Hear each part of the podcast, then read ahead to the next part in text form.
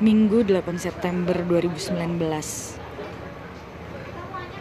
Aku sedang duduk termenung di Joglo 372 Kopi Dago Pakar, Bandung, Jawa Barat. Termenung dalam setiap kegelisahan yang ada dalam hati. Kegelisahan yang selalu berteriak mencoba untuk keluar. Walau sudah ku coba untuk mengurung dan membiarkannya untuk tetap di dalam sana. Kegelisahan yang terlalu sepele untuk terus aku pikirkan. Dan juga terlalu penting untuk aku biarkan begitu saja. Sebuah rasa yang sudah lama menjadi musuhku. Sebuah rasa yang hampir saja membunuhku. Sebuah rasa yang tak pernah akur dengan hati, walau sesungguhnya ia pun berasal dari hati. Sudah lama ia berdiam di dalam sana, di sebuah ruang di dalam hati ini, dan dengan egoisnya dia merebut setiap ruang di dalam hati ini dari pemiliknya, dan dengan kejamnya mengusir setiap pemilik hati dan menelantarkan mereka. Aku tak tahu apakah setiap pemilik hati ini pernah berusaha melawan, atau mereka dengan sukarela memberikan ruang mereka kepada si kegelisahan yang egois itu.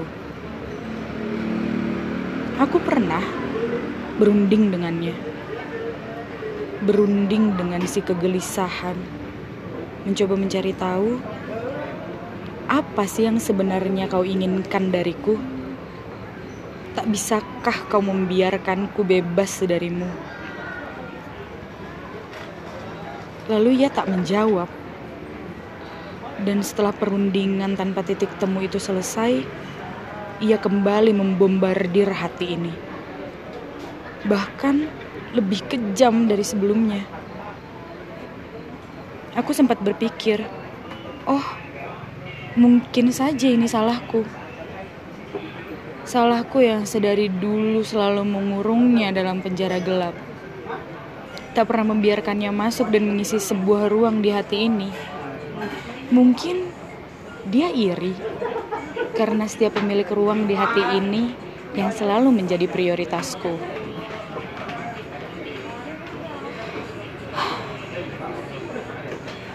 Wahai yang mulia kegelisahan, tak bisakah kita berdamai saja?